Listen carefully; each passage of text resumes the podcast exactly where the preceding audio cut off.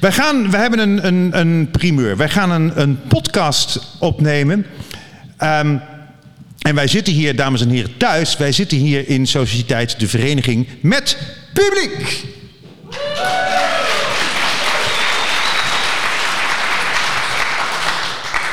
En deze podcast, dames en heren, welkom thuis ook. Die, die, die heet Het gaat over mij. Dat heeft dus dezelfde titel als van het platform waarop wij campagnes lanceren. Het gaat over mij.org.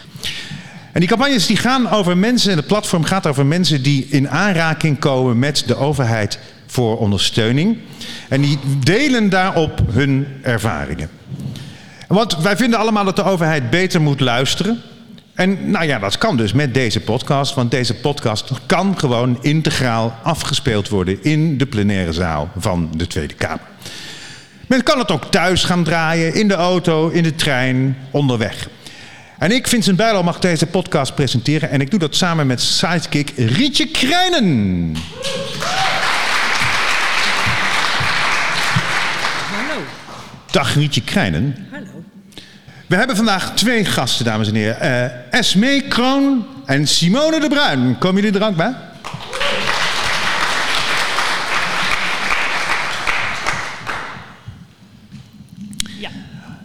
Uh, is in beeld gekomen bij de actie rondom het breed offensief. Rietje, zou jij even uh, eerst in het kort willen uitleggen... wat is het breed offensief?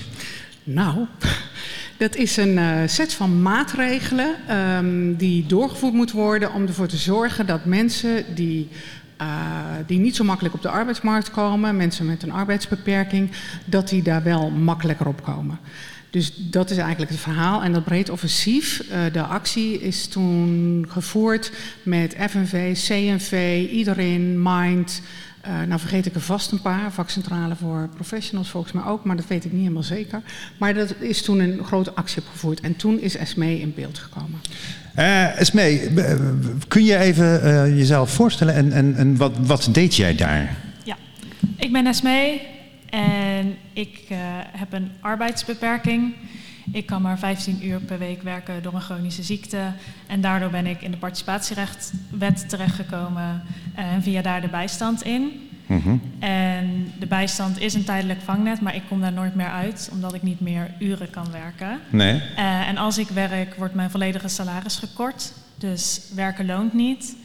Uh, dus ik doe nu vrijwilligerswerk omdat je die vergoeding tot 180 euro per maand wel mag houden. Um, en toen heb ik ervoor gekozen om mijn verhaal te delen, omdat ik vind dat het gewoon een hele oneerlijke wet en regelgeving is, waar nog veel verbetering in te halen valt. En uh, is, is dat, is dat, wat heeft dat voor reacties opgeleverd? Best wel wat. Uh, ik ben dan met de coalitie eerst in gesprek geweest met minister Schouten. En die leek aardig onder de indruk te zijn van de verhalen van de ervaringsdeskundigen, want ik zat daar niet alleen. Uh, daarna zijn we in gesprek gegaan met Tweede Kamerleden. Mm -hmm. Ook die leken echt te luisteren. Ja. Uh, daarna ben ik nog. de nadruk op leken echt te luisteren. Uh, daarna ben ik nog uitgenodigd bij Umberto Tan aan tafel om daar samen met minister Schouten het te hebben over de wetswijziging rondom de participatiewet. Uh, en daaruit bleek al snel dat er wel wat veranderingen zouden komen, maar eigenlijk niet de veranderingen waar we op hoopten. Dus uh, we zijn er nog niet. Zijn er nog lang niet. Nee. En Simone, even naar jou. Jij bent raadslid namens Mind. Leg, leg even uit wat dat is. Uh, Mind of. Nou, allebei. raadslid voor de LCR. Wat, wat, wat houdt de functie in?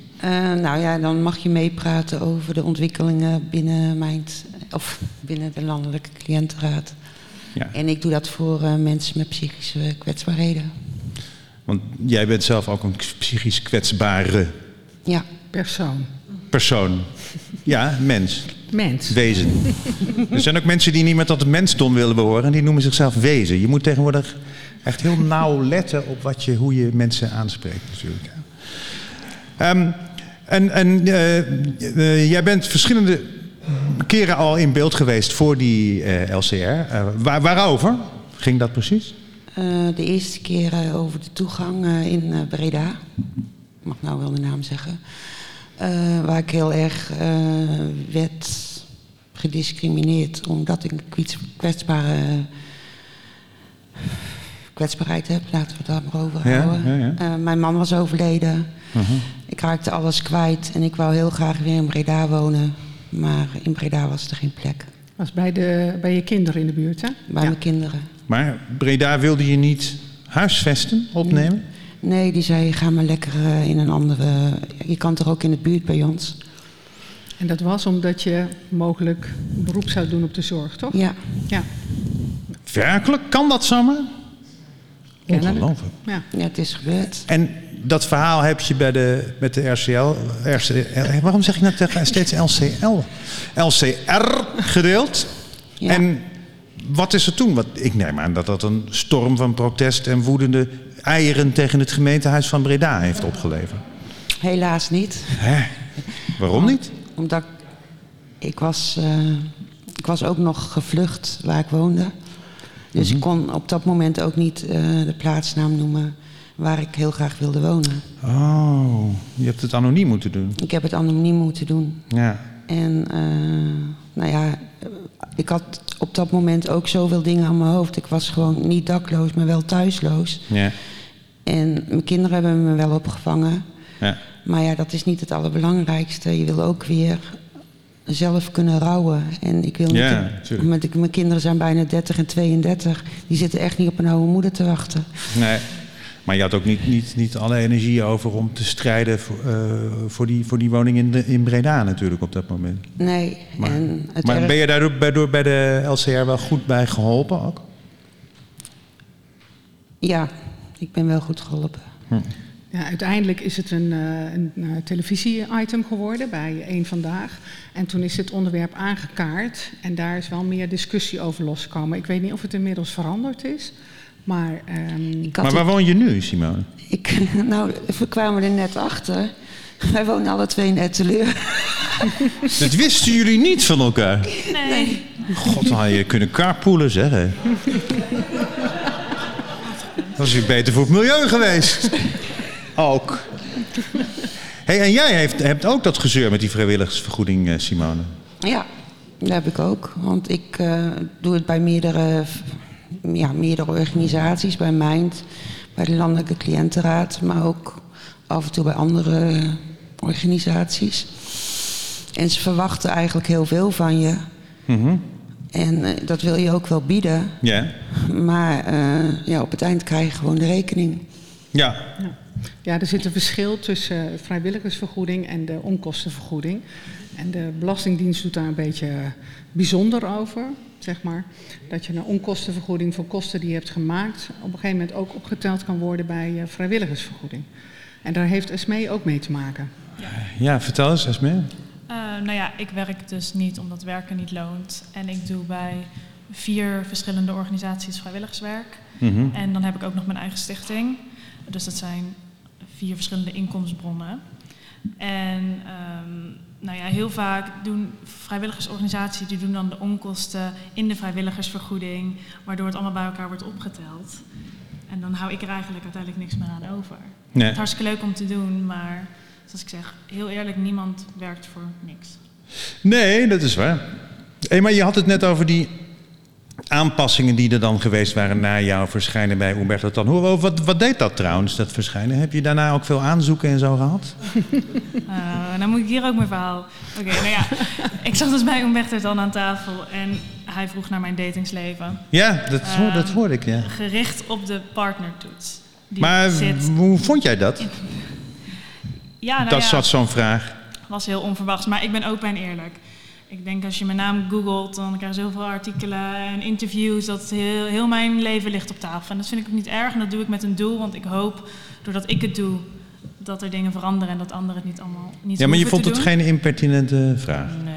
Oh nee. Nou ja, de praktijk is dat als zij samen gaat wonen ooit, dan krijgt ze de partnertoets en dan krijgt ze zelf helemaal niks.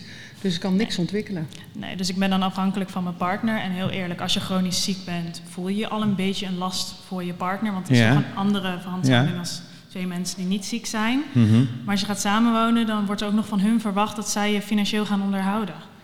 Terwijl, ja, dat is een hele Dus je kan eigenlijk nooit autonoom samenwonen Nee. als chronisch zieke, zou ik maar zeggen. Dus de, Nee. ja, dat Als is ook een hele ongelijke positie. Wat zou daaraan kunnen veranderen? Ja, Ja, het zou heel mooi zijn als, eh, als dat eh, gezien wordt dat uh, jong gehandicapten die, uh, die in de bijstand zijn, terecht zijn gekomen, niet meer in de waaien komen, dat die toch op een andere manier worden behandeld. Ja. En dat, ze, dat een groot deel van extra inkomen wordt vrijgelaten, zodat ze een, een springplank hebben om uiteindelijk zelf hun inkomen te verdienen.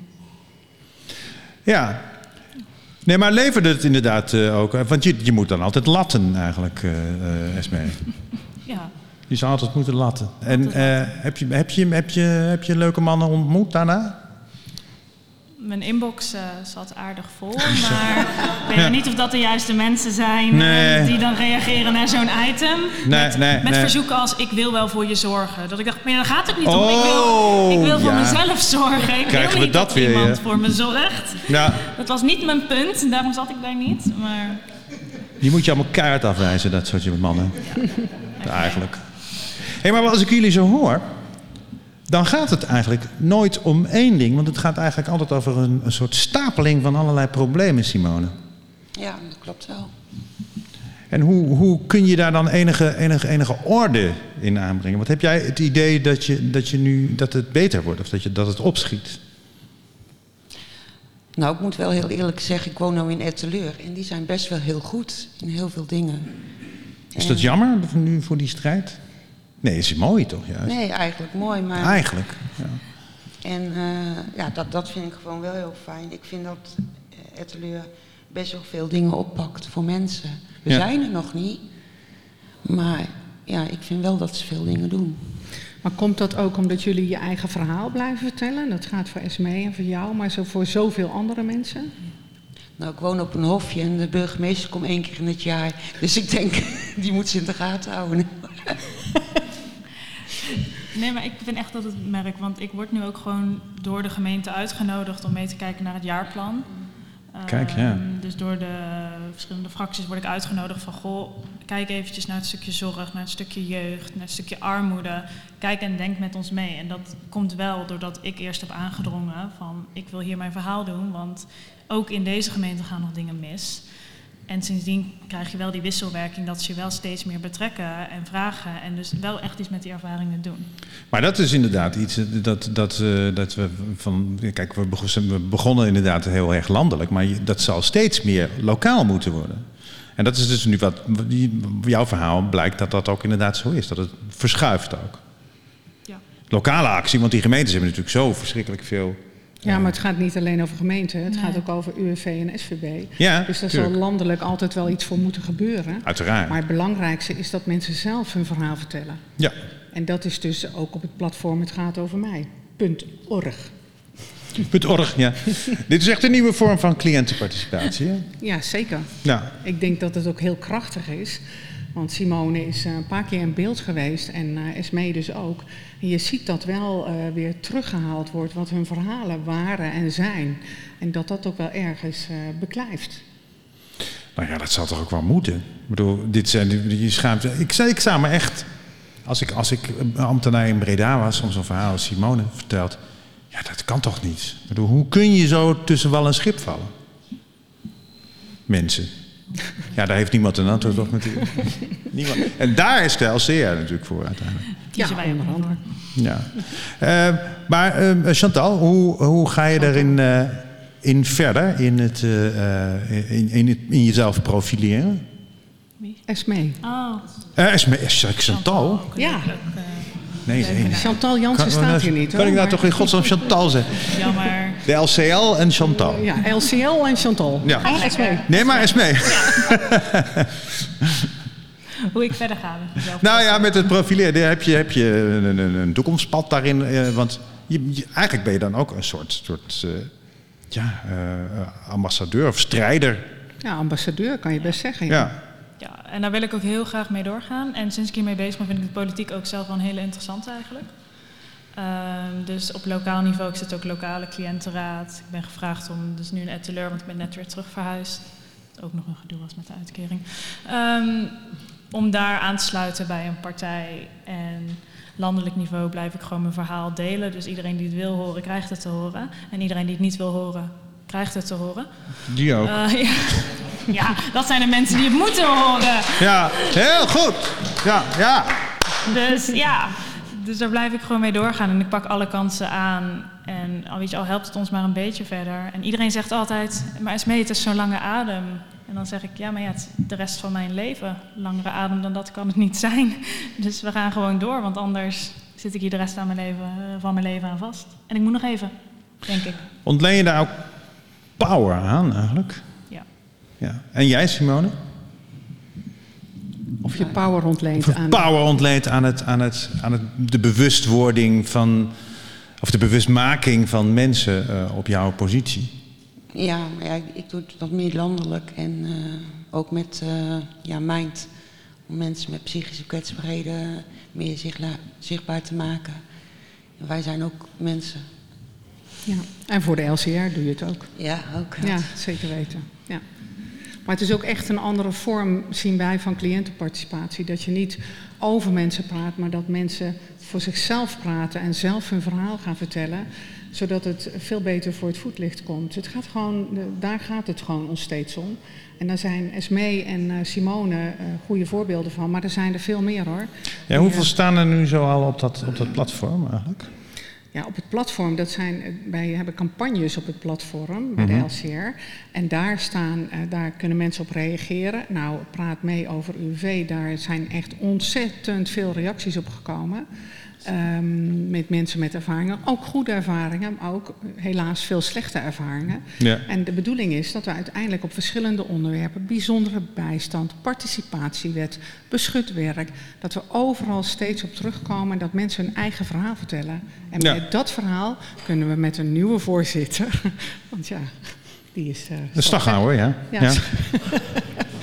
kunnen we straks eh, eh, naar buiten en kunnen we het verhaal vertellen. Maar daar hebben we mensen als Esmee en Simone hard voor nodig. En nog veel meer mensen die hun ervaringen willen. Is het eigenlijk ook zo? ehm, heb, heb jij daar wel eens last van, Simone, dat mensen je vragen: waarom deel je dit eigenlijk? Waarom, waarom, waarom doe je dit? Dus dat mensen denken van, "Ha, waarom hou je dat niet gewoon voor jezelf? Mensen vinden het, natuurlijk- het kan natuurlijk heel veel weerstand oproepen in de zin van bij van, hè, dat mensen zo ongemakkelijk van worden dat ze denken van, oh ja, ja nee, het klopt niet, het is misschien ook een beetje mijn schuld. Het, hè, geeft dat wrijving ook of niet? Ik denk als je blijft zwijgen, dan worden we nooit gehoord. Nee, precies. En eh, wat ik eh, bij mij ook wel heel vaak is, dat mensen juist heel open worden. En Ja. dat ze heel graag het verhaal willen delen. ja. En dat vind ik ook heel erg belangrijk. Dus daarom blijf ik er wel mee doorgaan. Ben jou hetzelfde, Esme? Sorry. Ik, heb wel veel weerstand gehad. Ik heb wel veel de vraag gekregen, waarom doe je dit? Ja. En waarom deel je dit? En mensen denken dat het eigen belang is dat je zo in de spotlight staat. Terwijl ik denk, ja, maar ik ben niet de enige in deze situatie. Er zijn Nee. er zoveel meer die de kracht niet hebben om dit te doen, de energie niet hebben om dit te doen, niet weten hoe ze het moeten doen, schaamt het niet willen delen. Dan denk ik, nou ja, weet je, dan ga ik daar maar staan. Dan ga ik maar eh, door het stof heen, gooi ik alles maar op tafel. Maar als het mensen helpt, ja, dan blijf ik dat gewoon doen. En zolang er niks verandert, blijven we gewoon lekker doorgaan. ja. En ik hoop dat mensen zich aansluiten en denken: oh, weet je, ik ga ook gewoon mijn verhaal delen. Ik doe ook gewoon lekker mee. Getuigt van enorm veel eh, power. En dat is mooi. En ja, nee, maar dit, dit is waar. De, de, de, zogenaamde perfecte medemens, eh, die overigens helemaal niet perfect is natuurlijk, want iedereen heeft een beperking. Alleen 95% zie je niet. Eh, maar die, die, die kan daar inderdaad eh, eh, behoorlijk. Maar ik zou zeggen, Simone, Esmee, ga vooral zo door. Gietje, nog eens.